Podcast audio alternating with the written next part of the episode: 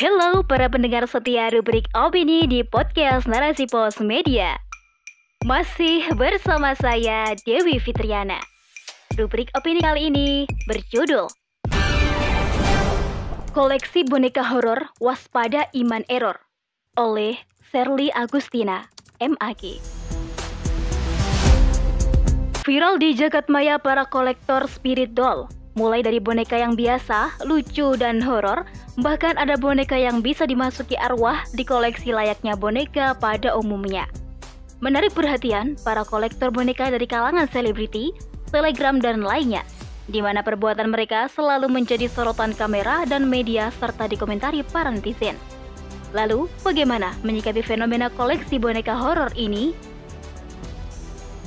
Koleksi boneka horor sebenarnya bukan hal yang baru, di beberapa negara di dunia, ada kisah tersendiri tentang boneka horor. Bahkan ada yang sampai dibuat film. Indonesia pun tak luput dari tren koleksi boneka horor. Yang mengejutkan, seperti dilansir oleh aksarajabar.com pada 6 Januari 2022, ada selebgram yang mengoleksi lebih dari 300 boneka. Di antara koleksinya adalah boneka horor. Pemilik boneka ini memiliki gelar Mother Spiritual. Adapun alasan para korektor mengoleksi boneka beragam, ada yang sekedar hobi, sebagai teman dan bisnis karena bisa diperjualbelikan. Bagi yang indigo, jika bonekanya dimasuki arwah atau mungkin lebih tepatnya makhluk goib. Mereka bisa berkomunikasi dan ini dianggap hal yang biasa. Mereka menganggap hal tersebut tak memengaruhi keimanan. Walau faktanya, terkadang ada ramalan yang disampaikan oleh makhluk goib lewat boneka tersebut dan ini mengganggu keimanan seseorang. Apalagi, sampai dibuat konten di kanal media, YouTube, dan semisalnya, padahal isinya khawatir mengganggu keimanan. Seperti cerita horor atau mistis, ramalan yang akan terjadi dan konten lainnya yang bisa menarik perhatian serta cuan. Tak bisa dimungkiri, dalam suasana kapitalisme dan sekulerisme, konten horor walau mampu mengikis akidah, namun memiliki daya jual dan membuat orang penasaran. Selain itu, jargon hak asasi manusia selalu menjadi dalih bebasnya setiap orang melakukan apa saja yang diinginkan. Namun, sebagai umat Islam, harus waspada terhadap fenomena ini yang sekarang menjadi tren, karena khawatir manusia kebablasan masuk ke dalam perkara subhat atau haram. Terlebih jika mengikis akidah sedikit demi sedikit. Manusia begitu mudah percaya pada apa yang disampaikan makhluk goib melalui boneka arwah atau horor. Manusia takut pada perkara mistis dibanding takut kepada Allah. Manusia rela mengorbankan waktu dan terlena dengan boneka dibanding ibadah dengan Allah. Manusia pun lebih senang menonton konten horor dibandingkan bersegera melakukan perintah Allah. Hal ini memang tak lepas dari aturan yang ada, di mana sistem tak ikut campur pada ranah privat setiap orang, termasuk mengoleksi boneka horor atau apa pun dan melakukan apa saja tanpa melihat halal haram, baik atau buruk. Bagi sistem saat ini, di mana ada keuntungan dan menghasilkan cuan, akan didukung tak peduli agama melarangnya. Lalu, bagaimana pandangan Islam tentang fenomena ini?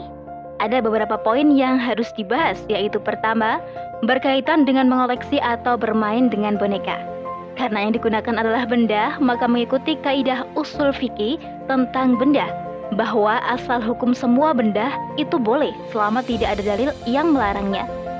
Perbuatan mengoleksinya kembali pada kaidah usul fikih, yaitu perbuatan itu terikat pada hukum syariat. Jika boneka yang digunakan bermain dan koleksi hanya boneka biasa saja, maka boleh. Akan tetapi setelah selesai digunakan bermain segera dirapikan dengan baik untuk menghindari peluang makhluk goib memasuki boneka dan mempermainkan keimanan manusia. Makhluk goib itu memang ada di mana saja. Al-Quran pun menjelaskan bahwa makhluk goib itu walau tak dapat dilihat oleh kasat mata, Allah, malaikat, surga, neraka, jin, setan adalah goib seperti yang dijelaskan di dalam Al-Quran. Kedua, jika membeli dan menggunakan boneka yang secara fisik horor atau menakutkan sebaiknya dihindari karena berpeluang makhluk goib memperalat sebagai alat komunikasi bagi para indigo. Selain itu, menakutkan bagi orang lain yang tidak terbiasa melihat boneka yang menyeramkan. Tentu bukan sikap seorang muslim karena seorang muslim yang berkepribadian Islam akan memberikan rasa aman dan nyaman bagi orang yang di sekitarnya. Lalu, jika melihat ada keluarga, teman, dan saudara mengoleksi boneka horor, maka dinasihati, terutama yang indigo, karena khawatir mengganggu keimanan. Jin atau setan memang tidak akan secara to the point menyesatkan hambanya, karena begitu soft maka sebagai umat Islam harus hati-hati dengan apa saja yang disampaikan oleh makhluk goib jin misalnya. Di dalam Al-Quran, surat Al-Isra ayat 85, Allah telah menjelaskan bahwa dan mereka bertanya kepadamu Muhammad tentang ruh. Katakanlah, ruh itu termasuk urusan Tuhanku, sedangkan kamu diberi pengetahuan hanya sedikit. Sobat, Perkara ruh atau goib hanya Allah yang lebih tahu. Manusia hanya bisa mengetahui sebatas apa yang sudah dijelaskan di dalam Al-Quran saja.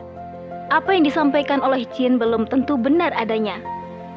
Allah Subhanahu wa taala sudah menjelaskan di dalam Al-Qur'an surat Jin ayat 8 sampai 10 tentang dunia jin. Dan sesungguhnya kami telah mencoba mengetahui rahasia langit, maka kami mendapatinya penuh dengan penjagaan yang kuat dan panah-panah api dan sesungguhnya kami dahulu dapat menduduki beberapa tempat di langit itu untuk mendengarkan berita-beritanya. Tetapi sekarang barang siapa yang mencoba mendengarkan seperti itu, tentu akan menjumpai panah api yang mengintai untuk membakarnya.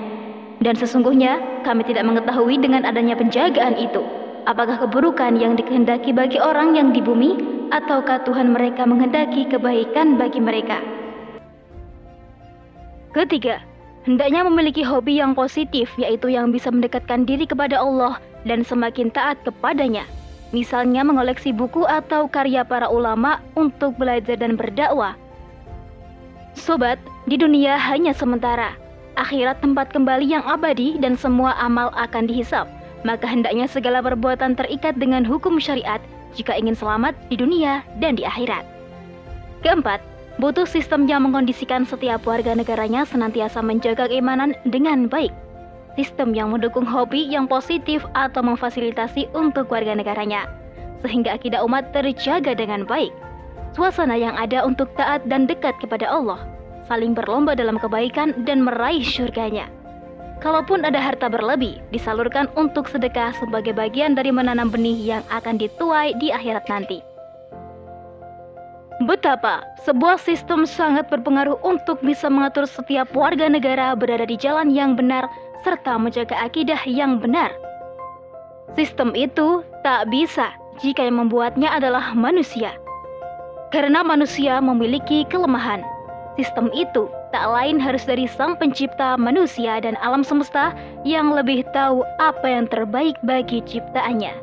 Wallahu a'lam bishawab. Sekian rubrik opini kali ini. Sampai jumpa di rubrik opini selanjutnya. Saya Dewi Fitriana dan wassalamualaikum warahmatullahi wabarakatuh.